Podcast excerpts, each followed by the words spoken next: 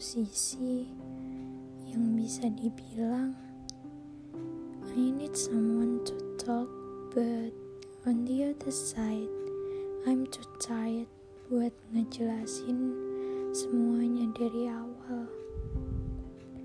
Harus memulai semuanya dari nol dengan orang yang berbeda dan ngejelasin kalau aku gak suka coklat dan maca. Bingung sama diri sendiri. Sometimes I enjoy being single, but on the other day, I miss being loved by someone.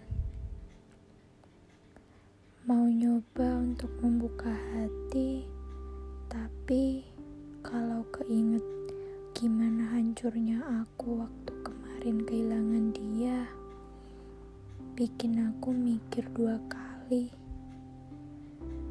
Sesakit itu, dan untuk sembuh pun perlu waktu yang gak sebentar.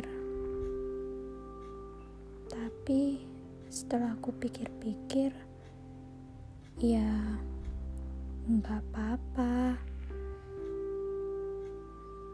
Nikmatin aja dulu fase penyembuhannya sampai tuntas. Loving yourself first before loving someone else.